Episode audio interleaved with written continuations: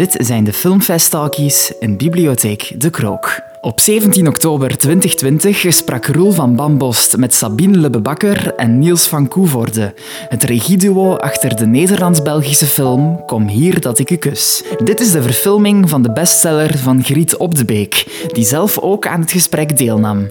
De Talkies zijn een initiatief van Filmfest, Bibliotheek De Krook en Vorming Plus Gent-Eeklo. Ja, ook van uh, mijn tweeën allemaal van harte welkom op de talkies. Een van de talkies. We hebben er ook dit jaar ook al weer omwille van uh, ja, de corona-periode hebben we maar vier dit jaar. In, in tegenstelling tot andere jaren zijn er meestal een, stuk of zes. Um, en deze middag, ja, daarvoor bent u ook gekomen, zullen we het hebben over de verfilming van Kom hier dat ik u kus. En vooraleer ik dat zei, ik wou graag weten, of, en Griet vroeg mij dat eigenlijk al, en ze heeft gelijk, uh, wie de film al zou gezien hebben. Heeft er iemand in, hier, ah kijk, er zijn er, ja, ah, zijn er toch enkele die de film al gezien hebben. Hè? Dus, voilà. Um, en mijn gasten zijn dus, zoals al gezegd, Sabine Lubbe-Bakker, Niels van Koevoorde zit hier naast mij, en dan natuurlijk Griet op de week daar. En ik zou willen beginnen met jou, uh, Griet. Je had natuurlijk al ervaring met de verfilming van je eerste boek, hè, Vele Hemels boven de zevende. Uh, hoe was het dan om te horen dat ook dit boek van jou zou verfilmd worden? Ja, om dat te horen, dat is op zich altijd al aangenaam, maar om, om de juiste mensen te vinden ja. waar je meteen van denkt, wat, wat fantastisch dat net die twee dat willen doen. Ik had een prachtige documentaire film gezien, Nemekite Park. Voor mensen die dat ja. ook nog niet gezien hebben, zoek dat op. Dat is ongelooflijk. En ik um, had daar een column over geschreven in de morgen, toen, in de tijd dat ik dat nog deed. En ik had zo waar de naam van de producer opgeschreven als zijnde de makers. Gewoon verkeerd gekeken. Allee, schaamtelijker wordt het al niet. Dus ik kreeg ineens een mailtje van een van hen om te zeggen van ja, allemaal sympathiek dat je onze film goed vindt. Wel spijtig dat je hem toe hebt gedragen aan andere mensen. Uh, maar alleen, het is goed gemaakt als we eens een koffie kunnen gaan drinken, want uh, PS zijn de filmrechten eigenlijk nog vrij. Ja. En waar ik bij Vele Hemels eigenlijk heel snel uh, op elk het eerst beste aanbod, bij wijze van spreken, ben ingegaan. Zo van, ze willen er een film van maken, ongelooflijk. Dus eender wie het mij vraagt, meteen toehappen. En daar heb ik wel uit geconcludeerd van, ik ga dat voor die volgende boek iets rustiger aanpakken. En eens even kijken of er hier of daar belangstelling is. En, en dan op het moment dat het echt juist voelt, ja zeggen. En dus ja, die koffie, uh, wat dan een etentje is geworden, ergens in, in Rotterdam, was ik zo onder de indruk van wie zij zijn als mensen. Ongelooflijk sympathieke, niet ego-trippende, geweldige artiesten met veel visie en gevoeligheid, talent en intelligentie. Ik, ik dat spetste er allemaal af. Ja, nee, laat het, laat het even komen. Ik meen het echt, dus dan moet ik dat kunnen zeggen. Ik vind. Er is al zoveel ellende in de wereld, de goede dingen moeten zeggen als je ze meent. En uh, ja, ik was dus meteen heel erg gerust eigenlijk van, ik geef dat aan hen en daar gaat iets van komen waar ik iets van zal vinden. Ja. Dat alleen al. Dat het zeker geen dun doorslagje van mijn boek zou worden, daar zit ik niet op te wachten, want dat boek bestaat al. Ja. Daar was ik sowieso van overtuigd. Ja, en nu het dan geworden is wat het geworden is, mm -hmm. kan ik alleen maar zeggen uh, dat, dat een schrijver niet blijer kan zijn. Ja. ja, want bij het eerste boek heb jij nog het scenario geschreven, als ik me niet vergis. En hier dus niet? Ja, dat is in zoverre relatief dat ik inderdaad een scenario heb geschreven, alleen is dat niet de film geworden. Ah, okay. ja, zo gaat dat. Scenarist is een nederige rol, heb ik geleerd. Ja, ja, ja dat is en, ja. en ik had een, een, scenario geschreven dat keurig beantwoordde aan de wetmatigheid van één bladzijde is één minuut.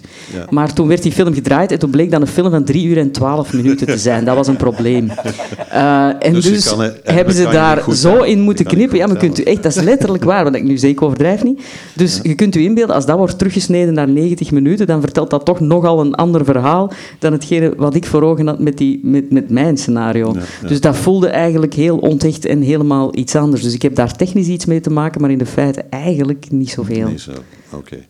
Wij hebben dus juist, we hebben het scenario dus geschreven. Ja. En wij hebben dus juist, wij kwamen erachter, want dat is echt de regel, één minuut is één bladzijde. Maar ja. wij kwamen erachter, met alles wat wij schreven, wij dachten, dat duurt langer, die bladzijde. Ja, Toen hebben we zonder het, het, medeweten van de producenten en zo, hebben we het lettertype vergroot. ja, dus... Zodat het duidelijk werd dat het wel een film van een bepaalde lengte was.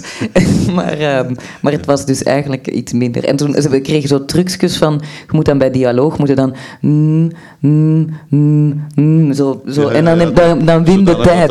Dan, win de filmtijd. Natuurlijk, ja. ja, dat is zo. Uh, hoe was het gisteravond eigenlijk, bij de première? Ja, goed. Goed? Ja, ja, ik weet, ja misschien... Want ik heb hem op een ander moment gezien, hè, dus ik, ik was daar gisteren niet. Maar... Ja, wij zijn altijd echt best wel zenuwachtig. Omdat dat, en het was nu in België. En ja, het, het is best wel uh, uh, indrukwekkend, zo'n première. Um, en, het, en het voelt ook heel kwetsbaar. Dus ja ik, ja, ik weet het niet. Ik vond dat gewoon heel, heel spannend. En dan zijn er allemaal mensen in de zaal van wie dat je benieuwd zijn van wat ze ervan vinden. Of. Of mensen lachen ja. of niet lachen. Of ze stil zijn. Of dat ze allemaal beginnen te kuchen. Of soort van, ja, dat is gewoon heel spannend. Maar ik heb het gevoel dat het... Ik, ben, ik, ik denk dat het, het verhaal is een heel Vlaams verhaal. Dus ik denk dat het heel uh, fijn is als je voelt, of wat dat wij voelden, dat mensen zich engageerden aan de film. Mm -hmm. uh, ja. Dus ik, ja, ik denk dat het goed was. Ja. Dat het goed was, ja. En voor jou, Niels? Was het, uh... Ja, ik had echt een rotavond eigenlijk. Een nee. rotavond, oké. Okay, ja. Nee, ik vond het...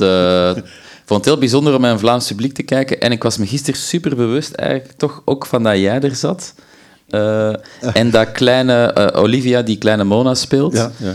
Uh, die mocht twee weken geleden in Utrecht op, zo op het allerlaatste moment niet komen door coronamaatregelen. Die stond zo klaar in haar communiecleed ja, om op te draven en die mocht daar niet komen. En gisteren was hij daar met heel haar gezin.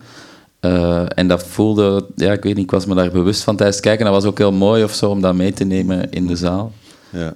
En ja, en het was, ja, we hebben nog goed gevierd achteraf. Toch ja, ja. Heel coronaproof. Precies, precies wel. Ja, ja. Ja. Heel coronaproof, ja, inderdaad. Uh, ja, het is, uh, Griet heeft al gezegd, jullie zijn documentairemakers. Hè? En Pa is bekroond ook hè, met een gouden kalf, als ik me niet vergis. Um, hoe heb je dan die overstap, hoe zag je dat van uh, naar fictie? Hoe kwam dat eigenlijk? Wel, het was voor ons helemaal niet een wens om fictie te maken per se. Het was eigenlijk hè, dat to het toeval dat dat boek op ons pad kwam en het verhaal wat Griet net vertelde. Ja. Uh, dus het was eerder zo van, oei, uh, we gaan nu fictie maken. Hoe doe je dat? Want we hadden dat nog niet gedaan. Ja. Uh, en Maar het enige... had wel ook met het boek te maken, denk Ja. ik. Wat wel Mhm. belangrijk is om te zeggen. Want het boek is in een, in de- op een bepaalde manier geschreven die, die wij snappen. Of de, Mhm. de ehm, observerende, of de manier hoe Griet observeert. Ik denk dat, dat- ik hoop dat, of ik neem aan dat iedereen hier het boek heeft gelezen. Of iedereen, weet ik niet. er zijn vast mensen die het boek hebben gelezen hier. Dat eh, er is iets dat je er naar kijkt en dat door, soms door, door hele kleine dingetjes, dat je meteen weet wie dat je voor je hebt of de situatie. En dat is iets wat dat bij documentaire heel leuk is om te doen. Ja. Eh, en ja, wij, wij zagen dat echt in, in, de, in de manier hoe dat Griet schrijft, waardoor wij eigenlijk dachten, ah, misschien, misschien kunnen we deze. Ja. Of deze snappen we. Ja, want het is eigenlijk los van dat het een verhaal is, is het eigenlijk ook een soort karakterstudie, dat boek. Ja, ja, tuurlijk. En het gaat over hoe mensen zich verhouden tot elkaar. En dat, dat is wat ons, in ieder geval in ons documentaire werk, altijd heel erg aanspreekt. Of zo, die relatie van hoe verhouden mensen zich tot een gebeurtenis of tot elkaar. Of wie zijn deze mensen en dat je dat verder kunt uitdiepen. Ik denk dat bij de Mikite Pap, Bob en Marcel zijn alcoholisten. En die, maar die film ging niet over hoe kunnen zij stoppen met drinken of over dat verhaal, maar gewoon wie zijn zij. Ja, En hoe komen zij hier en, en hoe Ja. staan zij in het leven eigenlijk. ja. En daar heb je natuurlijk met dit ook. Mona, hoe staat zij? En, Ja, want het is grappig, want als je dat scenario gaat schrijven, dat ont ja, ik bedoel, we hadden dat scenario geschreven en Ja. toen zei de producent, ja, maar die film ontwikkelt zich niet. Eh, Mona, Mona ontwikkelt of zich ja, niet. Mona Ah, ja, Mona ontwikkelt zich niet, van hoe ja. gaan we dat hier doen? Ja, ja. En wij raakten een beetje in paniek en je moet dan zo'n regisseursvisie schrijven voor de indiening bij het Filmfonds. Ja, en die ja, visie stond, ja, de film ontwikkelt zich zo en zo, zo en Mona. En toen was de dramaturg die zei, dat is hier wel een raar geval, want je hebt een scenario met een meisje dat zich niet ontwikkelt en in de visie staat dat ze zich fantastisch ontwikkelt. Zeg, je moet wel trouw blijven aan je script. En dan viel bij ons ook pas de vraag van, ah ja, die film moet... Ja, zij moet zich dus niet ontwikkelen. Ja. ja. Dat is, dat is het hele verhaal Ja, ja, ja. eigenlijk. Dat zij Ja, ja. zich- hij zei, en, en hij wees ons erop, die dramaturg, van je moet daarvoor gaan staan en je moet dat je verhaal maken. Mhm. ook, ook, uw, uw- ook uw praatje, hoe dat je je film verkoopt. En toen dacht ik ook, ja, dat is waar. En toen dacht ik, ah, oké. Ja, ja. Het valt ook uiteen natuurlijk, er zijn drie hoofdstukken. Hè? Er zijn Ja. drie periodes in het leven van, eh, van Mona. Hoe hebben jullie dat aangepakt eigenlijk? Ja, het was eigenlijk vanaf het begin heel helder, want er waren ook dan vragen van de producenten van andere mensen van, ah, gaan we het dan door elkaar snijden, die tijden? En voor ons was dat echt heel helder van, dat moet zo blijven, ook omdat de zwartjes, die, we hebben nu in de film zijn het drie hoofdstukken die wij Ja. eh, de moeder, de liefde en de vader hebben genoemd, dus we Ja. hebben geprobeerd om dat ergens een soort van thematisch vorm te geven. Eh, en in de film eindigen al die drie hoofdstukken met kerst. Wat voor ons ook een soort houvast Mhm. is geworden, dat kerstdiner. Maar en, en die drie hoofdstukken, de, eh, ik denk in het boek is dat ook zo. eh, er, is iets, er gebeurt iets in die tijd. Ja. En ik denk dat die In die vertelling. ja, Ja, in dus, dus in, in het Ja. zwart of in de, in, de, in de tijdsprong. En dat is juist. eh, dat, is, dat is een heel belangrijke vertelling. Want we kunnen dat allemaal invullen. Wij zijn allemaal eh, ergens opgegroeid. Wij, zijn, we hebben allemaal die, die sprongen of moeten nog een sprong maken. Maar wij weten dat het zich voortzet. En dat, en dat, dat, dat van we- hoe we graag zouden willen voelen van alles komt goed, maar alles komt niet Ja, vanzelf goed. Of vanzelf zo. En dat zijn die, Ja. die sprongen daartussen zijn daarin heel eh, belangrijk. Heel belangrijk, ja. Ja. natuurlijk. En natuurlijk, ja, je hebt dan ook, eh, zoals je al gezegd hebt, Olivia, heb je dan gekozen voor het jonge meisje. En eh, Tania Zavarilo is dan gekozen voor eh, de twee latere periodes. Ehm, hoe ben je daar bij hen terechtgekomen? Was dat heel moeilijk om de juiste actrice te vinden? Ja, we, we hadden nog nooit gedaan, dus ik weet niet of het moeilijk was. het was eigenlijk heel leuk, omdat voor ons... We hebben, we- omdat we het nog nooit hebben gedaan, wat is zo'n castingproces, denk ik, voor ons was dat iets... Wij wilden heel vroeg beginnen met casten. Dus wij wilden eigenlijk nog voordat we het scenario gingen schrijven, wilden wij met actrices werken om te kijken van hoe, fun- hoe functioneert die Mona in dit script en kan een actrice die rol in het script veranderen en kan dat elkaar kruisbestuiven. Dus het is best wel eh, heftig eigenlijk, want we hebben anderhalf jaar bij een actrice gewerkt die dus die Mona veel meer duwde naar iemand die, eh, die veel meer reageerde eigenlijk op haar tegenspelers. Ja, ja. Die veel actiever, daar een veel actiever personage van maakte. Maar dat was ook omdat wij zelf schrik hadden van het grijze, de grijze muis die Mona zou kunnen worden. Ja. Eh, totdat we eigenlijk Tanja eh, tegenkwamen. En wat zij heel mooi kon, was zij werd... Kijk, die, die rol van Mona is niet makkelijk, omdat die makkelijk weggespeeld wordt door al die mensen die maar tegen haar schreeuwen en ageren. En bij heel veel mensen ging het toch naar, naar al die ego's kijken in plaats van naar Mona. En Tanja die kon gewoon staan en voelen. En er kon je gewoon... Ja, ik kon daar echt naar... eh, wij allebei, we konden daar echt naar blijven kijken, terwijl zij maar kloppen kreeg. Mhm, ja. En dat was denk ik wat, wat voor ons meteen helder was bij Tanja, van die kon zo mooi gewoon open gaan staan en dat allemaal door zich heen laten stromen. En dat- ja, Ja. Mhm. Ik las ook, ja, ik heb natuurlijk een en ander gelezen over haar en interviews met haar, waarin dat ze zei dat het heel lang, dat proces heel lang geduurd heeft. eh, voor zij uiteindelijk dan, laten we zeggen dat zij de uiteindelijke keuze werd. Klopt dat ook? Eh, hoe zat dat in elkaar? Waarom heb, heb jullie daar ja zo lang nee, over kijk, gedaan waarom dat het lang duurt bij ons, is om- omdat wij casten eigenlijk niet eh, specifiek rollen, maar wij casten vo- voornamelijk voor deze film verhoudingen. Mhm. Dus zeg maar, Mona klopt niet alleen als Mona, maar die moet kloppen met de vader, die moet kloppen met een stiefmoeder die daarbij past. Op een gegeven moment hadden we Wiene gevonden, maar dat kan ook niet met alle Mona. Eh, Mm. Ik bedoel, dus die hele constellatie van die familie, dat was best een puzzel om dat kloppend te krijgen. Omdat, En dat- ik denk dat wij dat als documentairemakers super eng vonden. Dat bij fictie is de geloofwaardigheid die je bij documentaire cadeau krijgt elke dag. Ja, eh, Die moeten wij bij fictie maken. En dat begint toch bij dat die rollen kloppen. Want als die rollen kloppen, Ja, dan kun je die aan een tafel zetten met elkaar. En als die acteurs snappen wie ze zijn, dan, ja, dan ja. ja. Eh, Griet, was, was Tanja voor jou een goede keuze? Uiteindelijk? Nee, ik vond het een kutactrice. Stel je voor dat ik dat nu... zeg. Nee, ik, vind dat, ja, ik ben ongelooflijk blij dat ze haar gekozen hebben. Ik heb haar nu ook een beetje leren kennen, omdat we samen wat interviews gedaan hebben en zo. Het blijkt ook als persoon een buitengewoon scherpzinnig, gevoelig, liefdevol, slim iemand te zijn. Ehm, en ze heeft mij verteld over hoe ze dat eigenlijk allemaal beleefd heeft. Want door hun specifieke manier van werken voelde het eigenlijk bijna meer, ook met Niels, die heel de tijd bovenop de personages zit met zijn camera en, en als een soort dans bijna meegaat met hen. Ze zei, ja, wij moesten nooit wachten op een nieuwe opstelling voor het licht, voor een keurig shot-tegen-shot gedoe. Dat was allemaal niet aan de orde. Dus het voelde bijna als een soort extreem uitputtende repetitie voortdurend. Waarbij dat je zo je alles moet laten overkomen en dan heb je dat meegemaakt en dan zijn er niet goed van en dan nog eens.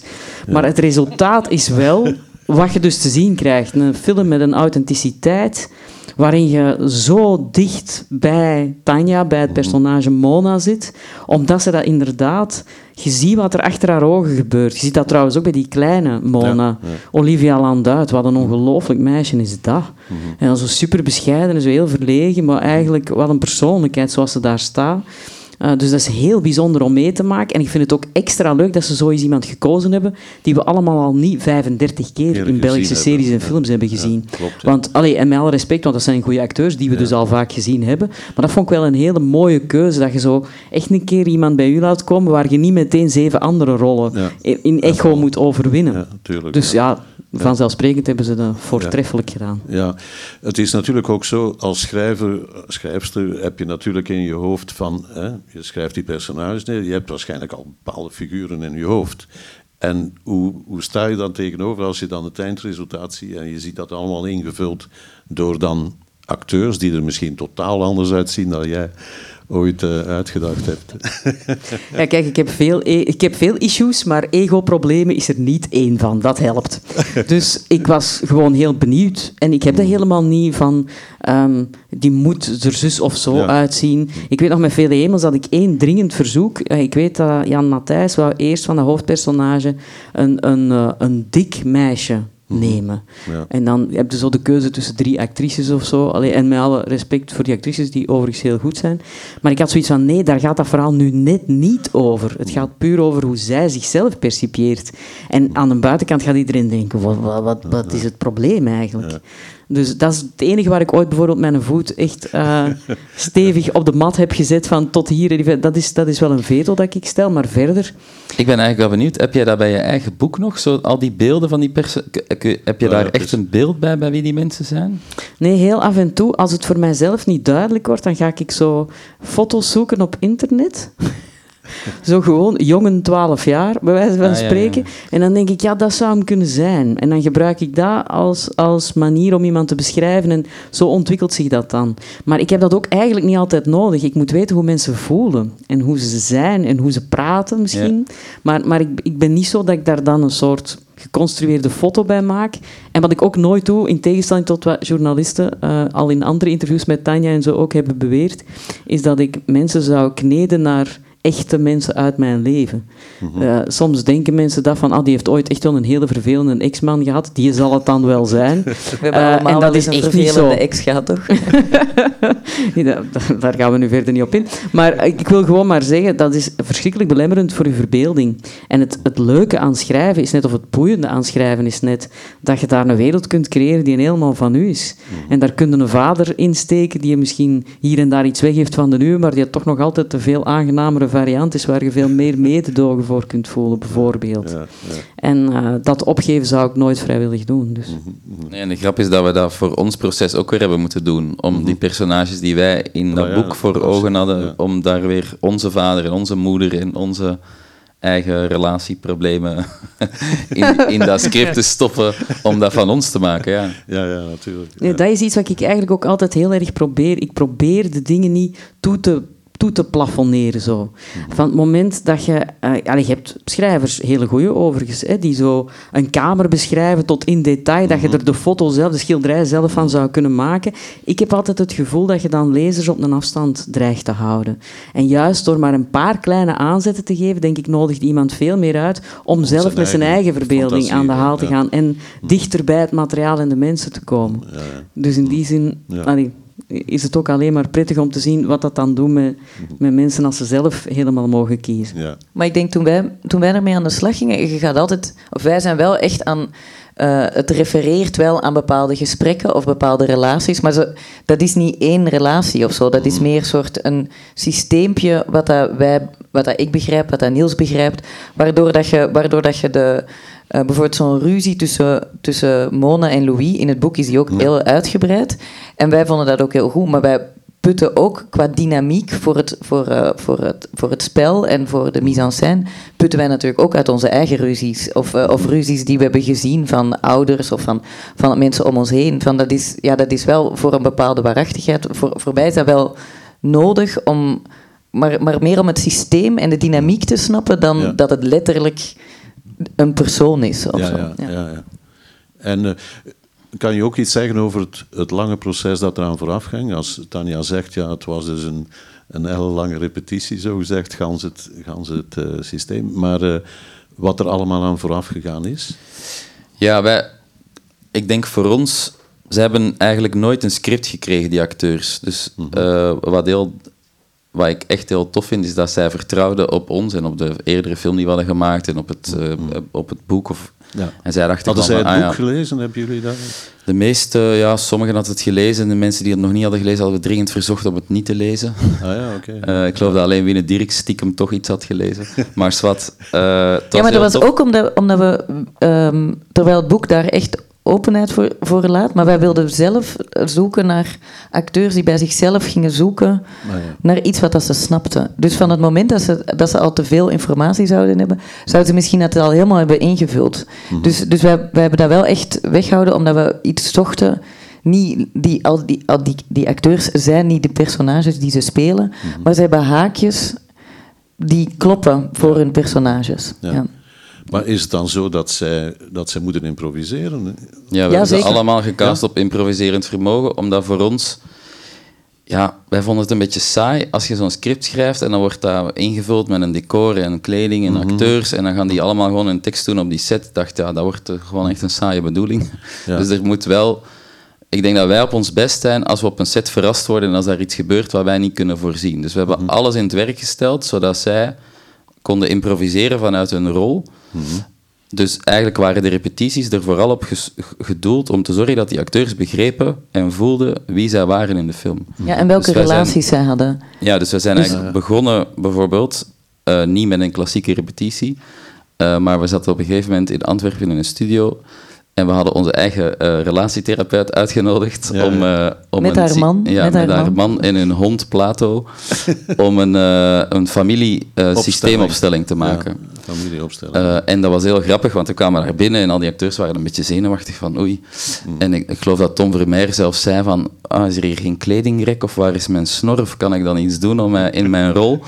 En wij zo van ja, maar het zou wel tof zijn als jullie, als jullie zelf, met iets van jullie zelf, dat jullie eigen verleden die familieopstelling gaan maken. En wij doen zelf ook mee. Eh, dus ja, iedereen zat daar echt met dichtgeknepen billen ja. soort super spannend, maar het was heel tof, omdat ik geloof dat Tanja als eerste ging staan en die moest gewoon alleen nog maar zeggen hoe ze zich voelde. En die begon eigenlijk meteen te huilen en die zei van, ik voel zo al die energie en die heftigheid van jullie door mij heen stromen. En vanaf dat moment was iedereen een soort ontdooid. En het was heel tof, omdat zij allemaal zeiden van de intimiteit die je normaal krijgt na een maand of twee maanden repeteren van een theaterstuk, die was daar in een weekend, was dat- in één keer waren wij daar met z'n allen. En dat heeft voor zoveel onderling respect en vertrouwen gezorgd op de set qua, qua spel, dat, dat, dat iedereen zich denk best wel vrij voelde om gewoon te gaan en te, en te doen en te spelen en, en te mislukken ook en te Ja, proberen. Ja. Maar natuurlijk... Ja, heel erg, dat Zeg- echt een schoon nee, verhaal dat ik gisteren ook maar van Tanja heb gehoord. Maar die heel erg illustreert wat het voordeel is van die manier van werken. Er is een scène waarin dat een broer van Mona komt vertellen met zijn eh, nieuwe sprankelende vriendin, vriendin, dat ja. ze zwanger is. Ja. En eh, ja, de, de stiefmoeder is niet zo heel opgezet met dat nieuws. Of, hè. En Tanja vertelde van ja, ze hadden die scène al verschillende keren gedaan. En eh, op een bepaald moment was dat zo'n combinatie van vermoeidheid en, en de irritatie die in die scène zit, maar die om een duur ook een soort uitvergroot werd door persoonlijke irritatie, want ze waren het eigenlijk beu van tegen elkaar te roepen. En op een bepaald moment geeft Wiene eh, Tanja ineens keihard een klap. En die had dat zelf helemaal niet gepland en niet voorzien. En Tanja wist ook helemaal niet dat dat kwam. En jullie ook niet, want het is eigenlijk cute om te zien als je nog de film zou gaan kijken. Je ziet dat Niels het ook gemist heeft. Dus die camera komt na die klets eigenlijk. Maar dat is juist geniaal, want net door dat bewegingsje voelde zo erg hoe dichtbij dat, dat eigenlijk kan komen. En je ziet dus alleen haar reactie op die slag. En als je dan hoort dat die achteraf zo in elkaar armen hebben staan huilen en troosten omdat dat dan gebeurd was en zo. Ja, dat zijn zo echt van die achtergrondverhalen waardoor je begrijpt waarom de film de intensiteit heeft die hij heeft. Met dus alle credits aan, aan deze twee hier, hè, voor de manier waarop ze dat hebben Probeer vanaf nu altijd te laat te zijn met de camera. ja, maar het is moeilijk, zeg maar, Als zeg het was mee opzetten. Ja, maar het is echt heel grappig ook om te merken, want bij documentaire gebeurt natuurlijk alles altijd maar één keer en je Ja, moet reageren. klopt, En op een ja. fictie het is zo moeilijk om jezelf, eh, voor ons, om dat te blijven voelen, dat het spannend is, want het, op een gegeven moment herhaalt het zich En ga je anticiperen, gaan acteurs anticiperen op elkaar, gaat de camera anticiperen en dan wordt het saai of zo. Dan. Ja, ja, Wat is eigenlijk de taakverdeling? Jij doet de camera sowieso. En doe jij dan de acteurs? Of hoe, hoe, Ja. hoe gaat het? Ja, wij doen eigenlijk, wij doen, al, we, hebben dus, we hebben samen geschreven. Dat gaat Ja. letterlijk van, ik, doe, ik werk aan eh, deel 1, hij werkt aan deel 2, ik werk aan deel 3. Dan, Dan doe ik gaan we het even een lezen. afwas, dan stofzuig ik even thuis. en dan, Ja, inderdaad. Eh, zoals het normaal is, denk ik. Maar, ehm, eh, en, dan, en dan gaan we erover praten en dan vervolgens eh, dan wisselen we om. Dus, Ah, eh, ja, ja, oké. ja. Ja. En dan eigenlijk op de set, ja, wij, wij bereiden dat heel goed voor, dus we weten wel wat we zoeken. We weten niet zo goed welke shots op voorhand, maar wij weten wel, omdat, we- omdat wij zoveel met z'n tweeën hebben gedraaid, ik weet echt wat hij doet en anders eh, kan ik nog eens aan hem duwen of trekken. Of dan, eh, dan ja, wij, weten, wij weten wel waar dat we mee bezig zijn. En dan doe ik de spelregie en doet hij de camera. Hij, doet dan, hij neemt ook dat de- departement dan meer ja, voor zijn Voor zijn rekening. ja. rekening. Ja. Ja, En jouw camerawerk, is het op iets gebaseerd? Heb jij grote voorbeelden of zo? Eh, ja, ik ben heel groot fan van Raymond Depardon, dat is een Franse Ja, fotograaf, ja, die ja. eigenlijk zo in het begin van de, van de, de uitvinding eigenlijk van de schamercamera, Ja. eh, scha- schoudercamera draaide. Camera op de schouder dus? Ja, de camera op de schouder, waardoor je overal achteraan kon lopen en bij kon zijn. Ja. Nee, ja, zijn blik is wel eh, een inspiratie. Maar zelf, ja, het is echt gek met deze film, omdat we zo alles hebben gedaan in dienst van dat spel. Dus voor mij voelt dat camerawerk helemaal niet een soort. eh, als een. Ja, ik vond het best lastig om het eh, op waarde in te schatten voor mezelf of het goed was of niet goed, omdat het werkt eigenlijk pas als de energie tussen die camera en die acteurs klopt. Met deze manier van werken voel ik ook heel erg, als een scène niet loopt, dan weet ik met de camera ook niet waar ik moet zijn en andersom of zo. Dus, dat, dus het is heel spannend van je zet iets in mise en scène en dan doe je dat twee of drie keer en dan vaak de derde of de vierde take, dan valt dat zo op zijn plek. Ook omdat we het dus niet voor... Ah ja, ik bedoel, we weten wel in welke hoeken we gaan staan, maar we weten echt niet welke shots we gaan draaien. Tot grote ergernis van een opnameleider die aan het begin van de dag gewoon wilt weten... Shot 1, 2, 3, A, B en C. En dan Maar zo die- werk je niet, hè? Zo Nee, dat, niet, hè? dat Dus, weten wij echt Nee, niet. en die, en, die, en die shots die duren heel lang. Normaal Ja, gezien ja. is het zo... Ah, ja, tuurlijk. Het soort van, dat is, Of dat is een minuut of minder of zo. En bij ons duurt zo, een take duurt ongeveer een kwartier.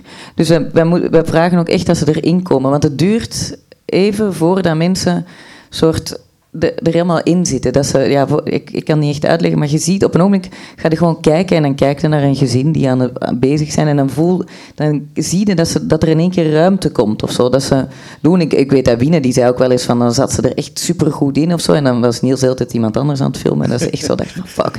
Deze, deze was het, deze was het, hoezo heb je het nog niet? Ja. En, eh, en ik denk bijvoorbeeld, eh, er, eh, er zitten ook scènes die we dan echt bijvoorbeeld misschien wel acht keer doen. Mhm. en, heel, en dan elke keer een kwartier, dus lang. Dat is wel vrij... Ja, en wij, want wij hebben ook gewoon... de- zeg maar, de voorbereiding is heel belangrijk, omdat we... Wij willen dus niet eh, vijf scènes op een dag draaien. Dus eh, zoveel dagen draaien wil ook zeggen zoveel scènes. Dus, dus als we minder konden draaien, of eh, als we minder dagen hadden, wil dat ook zeggen scènes schrappen.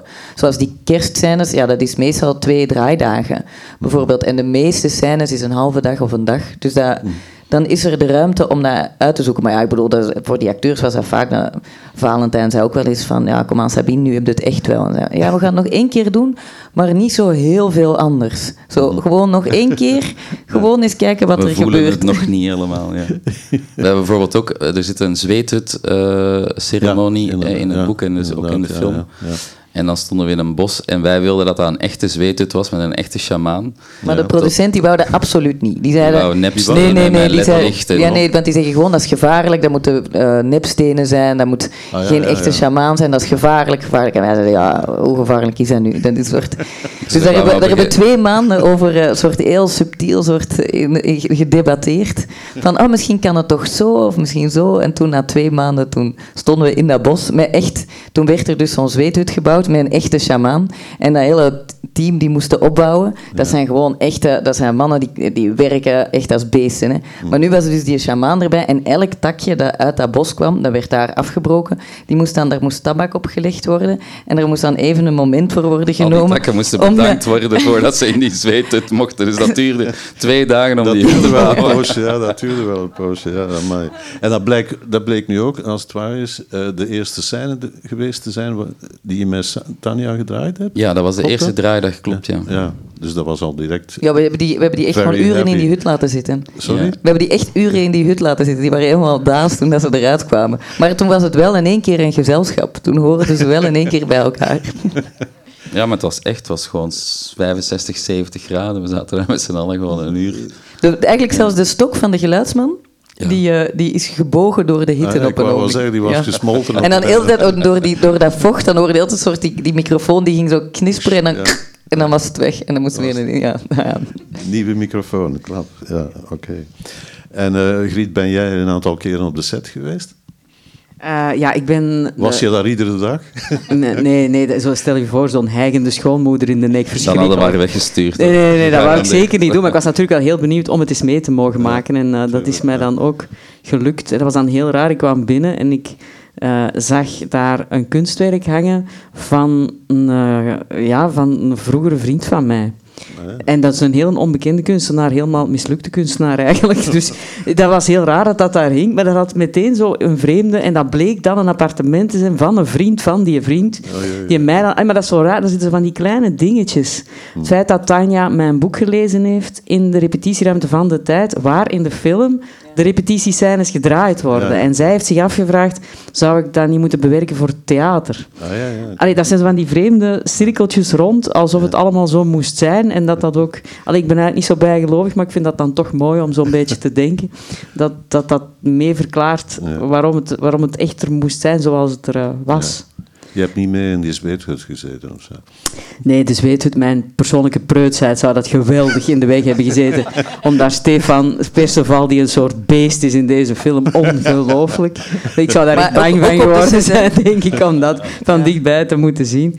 Maar, eh, want dat was, dat was een heel leuke scène om te schrijven in het boek. En, en ik, wel, ik kan me inbeelden, ik weet nog dat jullie op een bepaald moment gezegd hebben van ah, die scène was eigenlijk veel langer in die film, we hebben zo met pijn in het hart die korter moeten knippen, omdat als je erbij geweest bent, dat het eigenlijk heel bijzonder was. Maar ik vind het ook heel schoon bijvoorbeeld om te zien, ik heb nog nooit een film gezien waar er zo fantastisch door elkaar heen gepraat wordt. Ja. Dat ziet er eigenlijk altijd als... Ik bedoel, dat kun je niet regisseren, zoiets. Maar volgens mij is dat- hebben wij daar in Rotterdam al over gesproken. Ja. Ik kan me het nu in één keer herinneren, want Ja. toen, hebben, toen zeiden wij van, we willen niet een moeilijke, zwijgzame film maken, we willen een film maken over echte mensen. En die praten maar, die praten maar, die praten maar. Ze praten nooit waar het over gaat, maar ze zijn de hele tijd aan het Wel aan het praten. praten, ja, natuurlijk. Dus toen wij ook in dat scenario, we hadden eerst heel veel tekst, maar niet iedereen zei, ja, maar dat is, als je dat op papier ziet staan, dan lijkt dat zo, dat dat dan heel belangrijk was. En wij zeiden, nee, nee, nee, nee, dat is niet belangrijk. Die is gewoon aan het praten de hele tijd. En dat, moet, dat is meer een wat soort... zegt ze dan?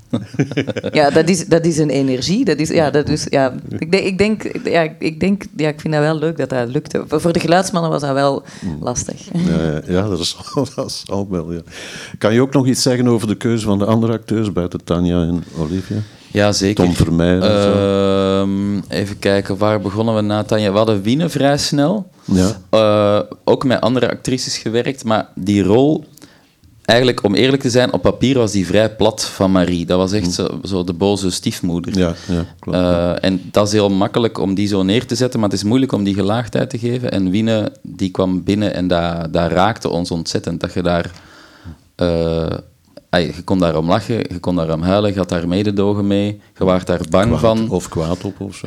Ja, nee, maar zij, het- het was- zelf, zij zelf hield van die vrouw, of houdt van die vrouw. Ah, ja. zij, zij, zij, Oké. zij heeft echt altijd heel duidelijk gezegd van... Deze vrouw die komt ergens vandaan en daarom doet hij dat. Ja. En wij vonden het gevaar wat zij... Zij, zij heeft, naar, naar mijn mening, een hele gevaarlijke eh, moeder eh, neergezet. Die veel interessanter is. Dat is niet iemand... Ja, misschien heeft ze stoornissen of zo, maar het, da- daar gaat het helemaal niet over. Dit is een normale vrouw waar wij ons allemaal mee kunnen identificeren.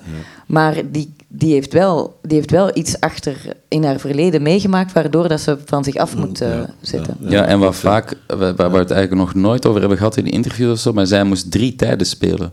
Dus zij moest 25 jaar overbruggen in een film waarvan de regisseurs zeiden, we willen geen special make-up en al die bullshit. Ja, ja, ja, ja. Het moet eigenlijk gewoon met kleine middelen en een beetje kleding en haar, moet zij die 25 jaar geloofwaardig overbruggen. Ja. en dat was fantastisch om te zien hoe dat zij van een soort eind 20, begin 30 tot ergens in de 50 dat kon dragen en dat kon spelen en dat geloofwaardig neer kon zetten. Maar ze zei ook wel, ik weet wel dat ze ook zei dat ze dat, dat laatste gedeelte op voorhand het spannendste vond. Omdat Die andere twee, die kenden ze, of die heeft ze meegemaakt, maar zei ja, een, een leeftijd spelen die dat je zelf nog niet hebt meegemaakt, is ook is ingewikkeld natuurlijk. Ja, natuurlijk. Ja, absoluut. Maar, maar over uw vraag, over die casting, we hebben eigenlijk die, die twee rollen waren het belangrijkste. En toen dachten we, nu moeten we een gezin gaan creëren, wat klopt. Dus toen op een ogenblik eigenlijk heel snel kwamen Tom Vermeer en Tijme Govaerts, die kwamen casten. En we dachten, ah, dat is, dat, dat, dat was, wij waren echt heel snel van, ah, dat klopt, die, ehm, die werken. En toen uh, Valentijn kwam, er waren meerdere mensen voor Louis en Valentijn... Valentijn is dan haar vriend, hè? Dus, ja, de schrijver. De schrijver, hè? de auteur, ja. Ja, en hij heeft zoiets charmants en iets ja, maar wat heel goed was aan Valentijn, ja. omdat hij speelt natuurlijk best wel een, een intellectueel, mm. maar veel acteurs die kwamen casten, die konden dat niet improviseren, dat jargon. Terwijl Valentijn, als je, die laat als je gewoon zei, vertel eens over je nieuwe boek, ja, dan kwam er een stroom aan fantastisch intelligent jargon uit, echt, ja. waar dat wij meteen van dachten, ja, dat is natuurlijk een plezier om mee te werken op de set. Ja. Net zoals Stefan Perceval ja. Uh, kon putten uit zijn eigen familie en uit zijn die theaterverleden. Twee, maar die twee personages zijn ook ingewikkeld. We hebben daar ook soms over gesproken. Moet een van die twee eruit? Omdat dat omdat, zeker op papier lijken die, misschien heb jij dat ook wel eens gedacht met het schrijven van die boek, van die zijn... zijn dat die wat te, te ja, veel op elkaar gelijken. Zo. Ja, ze, ze hebben een soort gelijke... Ja, ze lijken op elkaar, die personages. Ja, Dus wel, toch, ja, dat, toch vond ik daar nog... Allee. Nee, ik hoop dus dat het gelukt is. Met, met dus, we, dus we zochten iemand die, die duidelijk anders was. Qua energie, een andere manier, soort kon bulderen. En, uh, en uh, Stefan deed dat fantastisch. Ik kan alleen maar zeggen, die casting van Stefan, we hebben een uur lang zo gekeken. we wisten echt niet, en we dachten daarna alleen maar, durven we dit? Durven we dit met deze man te werken? ik, ik, hield mijn hart vast toen, toen zij zei, ja, we denken aan Stefan Perceval voor die rol. En ik ja, je had over niet veel dingen een mening, maar toen zag ik jou wel echt kijken van, ja, gaat dit ja, goed komen? Dat, ja. ik dacht echt van, dat komt niet goed. Ook gewoon omdat, allee, er, is al, er is vaak gesuggereerd dat die regisseur in dat boek gebaseerd zou zijn op Luc Perceval, zijn broer, omdat ik effectief met Luc gewerkt heb. Nu, dat is echt niet zo. Ik bedoel, uh, ik, allee, er zijn andere regisseurs die veel dichter in de buurt komen van het personage dat ik gecreëerd heb. Die naam zal ik dan niet noemen uit sympathie. Uh, als het nu niet gelivestreamd werd, zou ik dat wel doen, maar, aan, maar nu deze is het te gevaarlijk, wie dat er nog meekijkt misschien. Maar uh, ik had wel zoiets van, ja, als Stefan dat gaat doen, wordt dat wel heel duidelijk welke kaart dat hij gaat trekken. Het is voor hem natuurlijk een moeilijke positie geweest, denk ik altijd, om zo de kleine broer te zijn van, van het grote genie. En, uh, en, maar ik moet zeggen, toen ik die film, allee, toen ik hem dan zag, allee, ik vind dat ongelooflijk ja. wat Stefan daar doen. Ja, en hij heeft ook Hij gaat zo op de grens zitten van wat eigenlijk nog geloofwaardig is, en het is extreem geloofwaardig. Maar het is en niet zo over, bedreigend en zo... En grappig eigenlijk ook, hè. Op ja, hij doet op een ogenblik doet hij... Hij is de railschopper, ook op de set. Ja. Dat is, ja, het is gewoon... Hij is dat. Ja. ja, ik weet bijvoorbeeld, want hij, hij gaat ook, en dat is, ik denk dat je alle acteurs op ieder op hun eigen manier ook echt zoveel mogelijk in hun eigen kracht moet laten staan. Want Stefan bijvoorbeeld, wij deden heel veel improvisatie, maar we hadden natuurlijk een scenario. En soms, als een scène dan, als je er nog niet helemaal uitkomt, dan zeg je oké, laten we hem nog één keer lezen en van daaruit vertrekken. En bij Stefan zeiden we op een ogenblik bij een scène van oké, laten we nog één keer terug naar het scenario gaan. En ik wist wel van, hij is, hij, hij is zo instinct of zo gut feeling, dus die ik wist ook echt van, we moeten nu meteen gaan draaien, want over, over een minuut is het voorbij, weet je. Van, dan mhm. vergeet hem dat we... Niet, niet dat hem... Maar dan hij, zit, hij zit gewoon zo daar waar dat hem is. Ja. En toen zei ik, oké, nu gaan we, gaan we, gewoon, we gaan gewoon de tekst doen. We gaan gewoon de dialoog doen. Oké, ik zeg, oké, nu, we hebben, nog, we hebben nog 60 seconden. We gaan, we gaan, we gaan. En we beginnen. En echt geen woord hè, uit, het, uit het scenario. Niks. En dat is, dat, is wel, dat is er wel ingekomen. Dat was na drie takes dat hem een vaas langs mijn hoofd had gesmeten die niet bij de set hoorde, maar van de mensen was waar we stonden te draaien. Dat soort toestanden. Ja. Oké. Ehm, ja, ik zag inderdaad een, een interview ook met uh, Valentijn Danes, die dus de rol van de schrijver vertolkt, zoals we al gezegd hebben. En hij was dan weer uh, ja, misschien in het begin wel verrast door jullie manier van werken. Omdat hij zegt, ja, anders moet je altijd ergens op een, een punt gaan staan, een gemarkeerd punt of zo. In het licht gaan staan en, en hier, En hier was dat niet, maar aan de andere kant was hij er ook wel door gecharmeerd, zei hij. Dus... Hebben jullie dat ook zo ondervonden? Dat, Bij Valentijn. ik denk dat hij degene was die het meest schrok van die familieopstelling. Dat hij toch in het begin zo... Ja, en die zat heel tijd foto's te maken. maar dat wisten we niet, want hij zat heel zo met zijn telefoon zo. Ah, Bij die familieopstelling. Wij dachten, oh nee. Oh nee, dat is echt verschrikkelijk pijnlijk. Dat die, die zit gewoon te sms'en. Maar die was, uh, maar die, maar die was, die was foto's aan het maken. Die is, die, is, die is heel betrokken, maar dat is een... Um, ja, dat is een bescheiden man. Ja, ja, ja, ja, ja. Um, ja, ik heb hier al een dingen. Als je dan uiteindelijk Griet het eindresultaat nu gezien hebt, hè, vind je dan echt dat de essentie van jouw verhaal overgekomen is? Ja, ik vind dat is, dat is wonderlijk dat ze daarin geslaagd zijn om aan de ene kant echt absoluut de kern van dat boek op de meest prachtige manier te vatten en er toch ook heel erg hun verhaal en hun film van te maken. Ja. En dat heeft als heerlijk neveneffect uh, dat zowel mensen die mijn boek afschuwelijk vonden, als mensen die mijn boek goed vonden, naar de film moeten gaan kijken. Want hij bestaat volledig autonoom daarnaast op zichzelf. En ik ben verschrikkelijk trots dat per ongeluk door het schrijven van dit boek zoiets moois de wereld in is gestuurd nu. Ah ja, amai, dat is een mooi eh, compliment. Hè? Ja, en ze weten dat ik het meen. mooi. Uh, nu jullie fictie gedaan hebben, is er, ja, zijn er al ideeën om iets nieuws te doen? Ook in dat, of gaan jullie opnieuw gaan weer documentaire maken? Want, ja, ik denk, we, we proberen dit wel... was te lastig. het was wel lastig. Ik vond het wel, het was moeilijk en het was ook een lang traject. Of het is meer, meer dan vijf jaar geleden zaten wij voor het eerst samen. Maar het was wel, ik denk, we, ja, we hebben de afgelopen vijf jaar zo ongelooflijk veel geleerd. Ik weet niet of dat, ja, goed, ik vind dat echt fantastisch als ik leer van, ah ja, dus ik het smaakt in die zin heel erg naar meer, omdat ik denk, ah ja, nu weten we dat al, dus dat gaat ons zoveel meer besparen om dan aan mhm. iets nieuws te werken, van dat we, dat we weten van, dat we het beter kunnen communiceren naar iedereen die dat moet weten. Maar als er een mooi verhaal voor een documentaire voorbij komt, dan zouden we dat zeker ook doen. Maar we zijn al aan iets bezig. We ah, zijn al aan iets ah, bezig. Okay. Ja, het zou een misdaad tegen de mensheid zijn als jullie niet nog een fictiefilm zouden maken. als er nog iemand een goede boek in de aanbieding heeft, is meer dan welkom. zijn er auteurs in de zaal. Maakt, maakt die film nu volgens jullie hè, dan uh, evenveel kans in Nederland als in Vlaanderen hier? Ja, het is, maar Griet is natuurlijk bekend ook in Nederland. Hè? Ja, ik denk misschien in Nederland nogal uh, beter verkocht als in België, toch? Ja, wij, hebben er veel, zo, praten daar veel over van, ah ja, hoe zou dat vallen? En wij vermoeden eigenlijk dat in Nederland de, de erkenning voor het verhaal, of hoe dat je, hè, dat, dat, je, dat je het op jezelf betrekt, groter is, omdat het iets verder weg staat of zo. Dat je, mhm. ja. Dus dat mensen zich er, zichzelf wat makkelijker in herkennen, omdat het toch is van ja, maar het zijn wel die, die Vlamingen of zo. En dat het hier wat, wat misschien toch iets dichterbij komt. Ik had het idee dat er gisteren in de zaal op sommige momenten veel harder werd gelachen dan in Nederland. Maar ook uit ongemak of zo. Om het toch een beetje zo weg te lachen. Maar het is moeilijk te zeggen. Ja, het is ook moeilijk te zeggen of het nu echt een nationaliteit zo bepalend is voor. Ja. Maar wat wel heel tof is, vond ik in Utrecht en ook gisteren, is dat mensen de zaal uitlopen en echt in gesprek gaan over oeh ja, ik lijk toch wel een beetje op die. Of ik heb ook al mensen gehoord, die hadden de film gezien.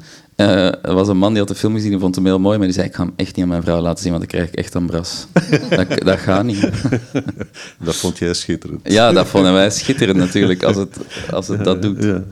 Nee, ik, ik stelde de vraag ook om natuurlijk de jongste jaren zijn er niet zoveel Vlaamse films over de grens geraakt enzovoort. En dit is nu een combinatie, het is Nederlands, Nederlands uh, maar misschien is dat... Ja, kijk, wij zijn uh, opgegroeid in België. Wij mhm. zijn Nederlands van nationaliteit en wij wonen nu in Amsterdam. Mhm. Eh, voor ons is dat, is dat, een soort één gebied. Uh, voor veel mensen niet. Ik denk, ja, ik weet het niet. Het zijn ook maar landen, het zijn ook maar grenzen. Hoe mhm. cares in die zin? Maar er zijn natuurlijk heel veel commerciële, of echt meer commerciële films die een remake krijgen. Van het een naar het ander. Ja, ik weet het niet. Eigenlijk is dit een Nederlandse film. Ehm, maar ja, het is ja, iedereen zegt, ja, maar dit is echt een Vlaamse film. Dus het is, misschien is het wel leuk dat ze nu zo gaan zeggen, maar wat is het nu? Is het nu een Vlaamse film of een Nederlands film? En wat maakt dan dat een film een bepaalde... Ja, maar het was voor ons wel super helder dat het geen Nederlandse acteurs moesten zijn. Ah, wel, ja, dan, Omdat wij wel... Hè, want er was natuurlijk in het begin de vraag voor het Nederlands Filmfonds, kun je niet met een Nederlandse cast maken? Dat is toch een verhaal dat universeel is? Maar dan had je toch naar die film gekeken en ik weet zeker dat ze dan in Nederland allemaal hadden gedacht, ga gewoon even lekker naar de psycholoog Uh, zeg eens gewoon, eh, pak het eens even aan, weet je wel, ga het lekker doen. Dan was er heel veel commentaar geweest. Terwijl dat lethargisch, allee, dat is nu niet om ons hier in, België zo lethargisch te noemen met z'n allen, maar dat, dat zit toch meer in de cultuur of zo. Dat is meer geaccepteerd om daar op die manier naar te kijken. Ja, ja een Hollander is toch, die komt naar u toe en die zegt hem een probleem. Weet je wat jij moet doen? En dan, ja, dan krijg je dan alle, alle oplossingsgerichtheid. Maar ik denk dat Griet hier heel graag nog iets ja. Ja, ja, nee, want lethargie vind ik echt een heel verschrikkelijk fout woord. Uh, het, het gaat over onvermogen en, en, Nederlanders praten misschien meer, maar zeggen daarom niet altijd meer over wat hen ten diepste bezighoudt. En er is ook een reden waarom het boek in Nederland nog veel meer gelezen is, zelfs dan in België. En ik moet zeggen dat ik zo via social media en zo van mensen uh, de vraag krijg van Nederlanders die zeggen: Oh, wat, wat goed dat het met Vlaamse acteurs is. Omdat het anders ook met hun verbeelding uh, in de problemen zou geraken. Echt? Dus ja, daar heb ik echt al, al, al, zeker een keer over. Jij, was, ik denk, jij was er niet mee eens ook in het begin. Ik weet nog dat wij een keer tegen jou zeiden over dat. En jij zei, maar je kan dat ook echt met Nederlands acteurs. Ja, maar ik denk dat ook wel hoor. Maar ik denk dat nog altijd. Als jullie dat gedaan hadden op jullie manier, dan was dat ook een, een boeiende film. Maar ik weet niet of wij dat hadden gekund, om, alleen al om het feit dat wij hier zijn opgegroeid. Dus ik heb heel erg dat ik, dat ik soort van, als ik in dat gezin kom, ik, ik kom in, in allerlei, op allerlei manieren kom ik in werelden waar ik langs liep toen ik klein was. En ik denk voor Niels ook, die, die niet letterlijk hetzelfde zijn, maar die, ik, snap, ik snap dat wel beter. Ik weet niet of ik al lang genoeg in Nederland woon om diezelfde, datzelfde onvermogen uh, ook smol te geven. Dat, uh, dat begrijp ik hier, begrijp ik dat wel beter. Begrijp wil zeggen, De film is ook uitgenodigd in Chicago, klopt dat? Ja. Wanneer, en is dat... Nu, nu. Nu? Ja, ja, is dat uh, via stream? Of is dat ja. ja, dat is allemaal online in, soort in een drive-in, maar ja, het is nogal ver. nee, we kunnen daar niet bij zijn, dat is super jammer. dat, is, uh, dat is natuurlijk jammer. En zijn er nog, ja, het is eigenlijk moeilijk om te vragen. Zijn er nog plannen voor andere festivals? Het is een super slecht jaar om internationaal uit te gaan met een film. Dat is echt uh, vreselijk. Ja, en wie gaat er naar festivals? En ik denk ook dat niemand deze, film, ja, deze film is, heeft echt wel baat bij het grote doek. Uh, en festivals zijn eigenlijk allemaal online. Ja, dat vind ik ook wel. Ja, ja want het, ook hoe het geluid is opgebouwd, ja, dat is allemaal heel technisch, maar dat is, we hebben dat wel op een bepaalde manier gemaakt. En vast zegt elke filmmaker dat. Dus ja, maar ik voel wel in een zaal dan doet die film meer pijn dan op een uh, scherm. Hmm. En hij is wel bedoeld om pijn te doen. Ja. Dus, um, dus, ja. ik, dus veel plezier allemaal. Ja, ja, dat kan ook troost bieden. Hè, maar, dus, dus we hopen vooral op dat er veel mensen naar de bioscoop gaan. Ja, ja. ik hoop dat ook. Uh, zijn er vragen in de zaal? Want dat mag, mag u zich recht stellen, de vraag stellen. Ik zal ze herhalen dan. Ik weet niet of... Ja, Mark.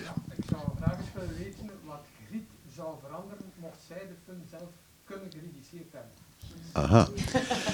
De vraag is wat Griet zou veranderen mocht zij zelf de, film geregisseerd hebben. Uh, mocht ik zelf de film geregisseerd hebben, zou het onder, zonder enige twijfel een eindeloos veel slechtere film zijn geworden.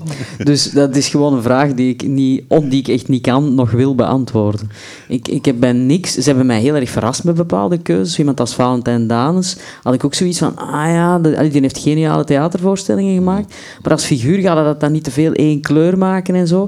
Maar het klopt zo allemaal in zijn verhoudingen, in zijn evenwicht en de manier waarop dat ze het hebben vormgegeven. Nee, ik, ik, vind, ik vind het... Het is helemaal de film die het had moeten zijn, wat mij betreft. Echt waar. Ja, dat is prachtig, hè? Ja, zijn er nog uh, vragen? Zijn er nog vragen? Ik heb vraag, Mona. Ah.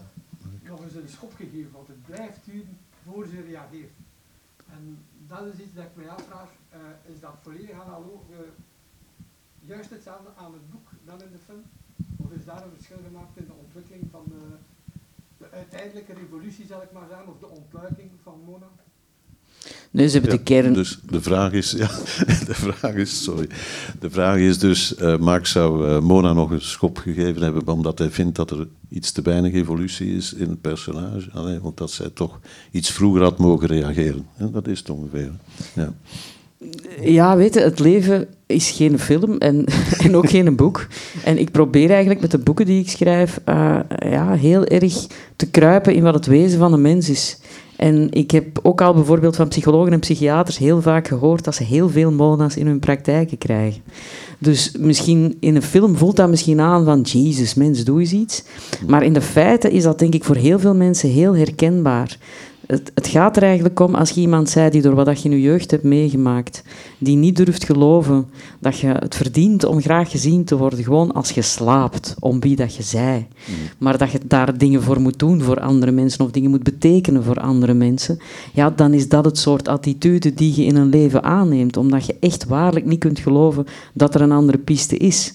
Tot je natuurlijk beter durft te weten. En dat is ook wel een momentum dat in de film nog ruimte krijgt, hè, zij het dan ja, fijn, het is lullig om te zeggen als mensen het nog niet gezien hebben.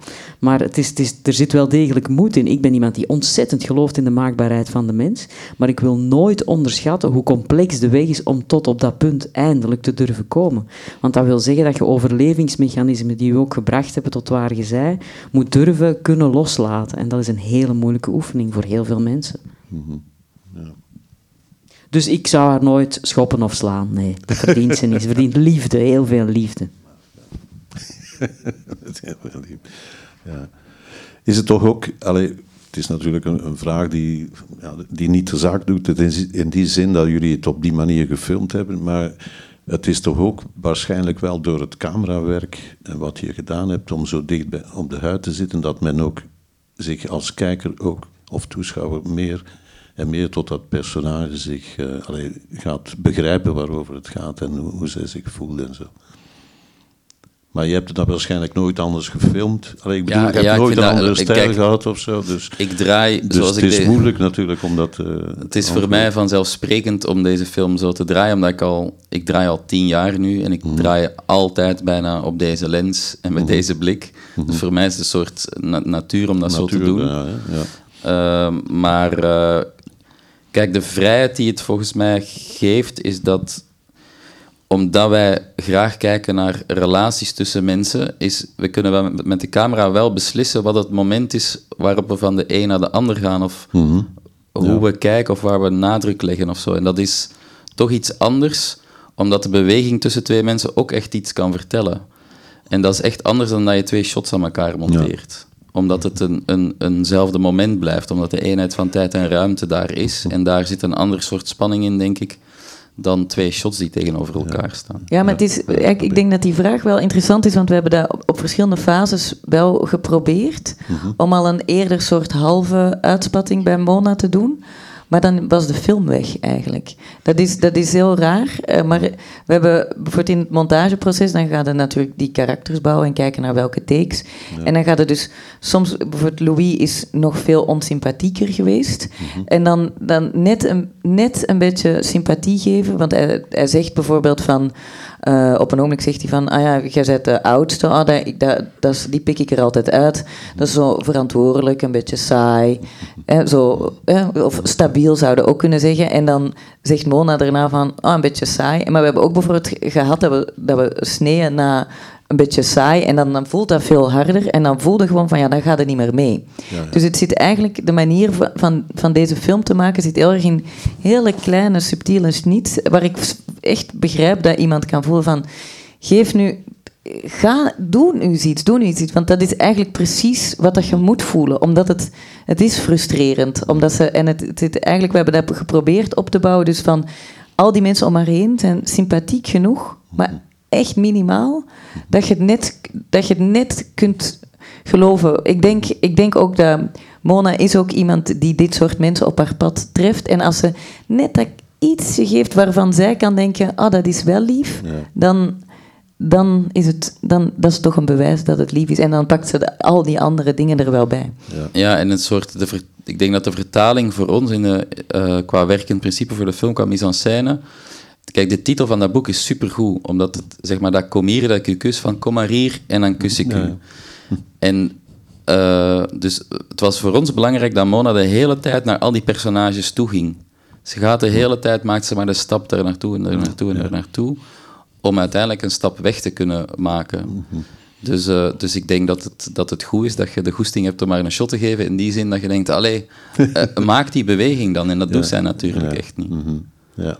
Of dat je niet snapt dat ze dat ze dan toch weer gaat. Dat je denkt van, doe het nu niet, doe, Doe het nu. niet, ja. maar er zijn heel veel mensen die precies hetzelfde doen wat dat zij met, eh, doet. Ja. ja. Ja. Dat Ja, ja. en, het, is, en het, is, het voelt heel groot in de film, maar we, za- we zaten gisteren in een interview en toen moest ik eigenlijk ook denken van... Ik betrapte mezelf eigenlijk, we hebben een zoontje van vijf en een dochter van twee. En dat ik zo gisterochtend brachten we ze weg naar eh, opa en oma voor drie dagen. En dan liggen wij zo in bed en dan zeggen wij ook alle twee... Allee, kom eens hier, kom, geef ons nog eens een knuffel. En het zit daar eigenlijk, zit daar de, de, de merden al eigenlijk van dat principe. Ja. Dus wij zijn onszelf door het maken van die film en daar zo bewust mee bezig zijn, ook wel bewuster geworden, denk ik, van... Ah ja, het is eigenlijk ik die hem een knuffel wil geven en het is niet die vraag heel de tijd. Maar Ja. Dat klopt. in die zin lijkt het soms ver weg of zo wat daar gebeurt, maar het zit in al onze levens. Ja. En als je het eenmaal door hebt, zit het overal. Ja. Voilà. Als dat niet mooi is om af te sluiten. Ik zou u graag bedanken voor uw komst, eh Griet, Sabine en Niels. hè. En veel succes met de film. Wanneer komt de film eigenlijk uit? Hebt u de... 4 In de november zaal? hier, ja? 4 november. 4 november komt hij in de zaal. Hij wordt nog een aantal keren gespeeld, ook op het filmfest natuurlijk. En ik wil u allemaal bedanken voor uw komst. Er is maandag 19 oktober, dus overmorgen om 12.30 uur is Patrick Duinslager hier. En dan is hij in gesprek met Daan Stuiven, dus eh, de muzikant. Die heeft namelijk een hoofdrol in een Hongaarse film. En dan is er, denk ik, maandag, dus dan moet er woensdag ook nog een uh, talkies zijn hier met Robin Broos en Dirk Brosset. En Robin Broos heeft een boek geschreven over de soundtrack, dus dat wordt ook zeker interessant. Bedankt allemaal voor En mag je dan komst. toch nog een heel klein verzoekje doen? Als Ja, jullie de film gaan zien, stem dan alsjeblieft voor de publieksprijs, want we hebben echt geen makkelijk leven festival gewijs, dus het helpt enorm als daar een zetje wordt gegeven. Voilà, dat zou ik zeker doen. Dank u wel.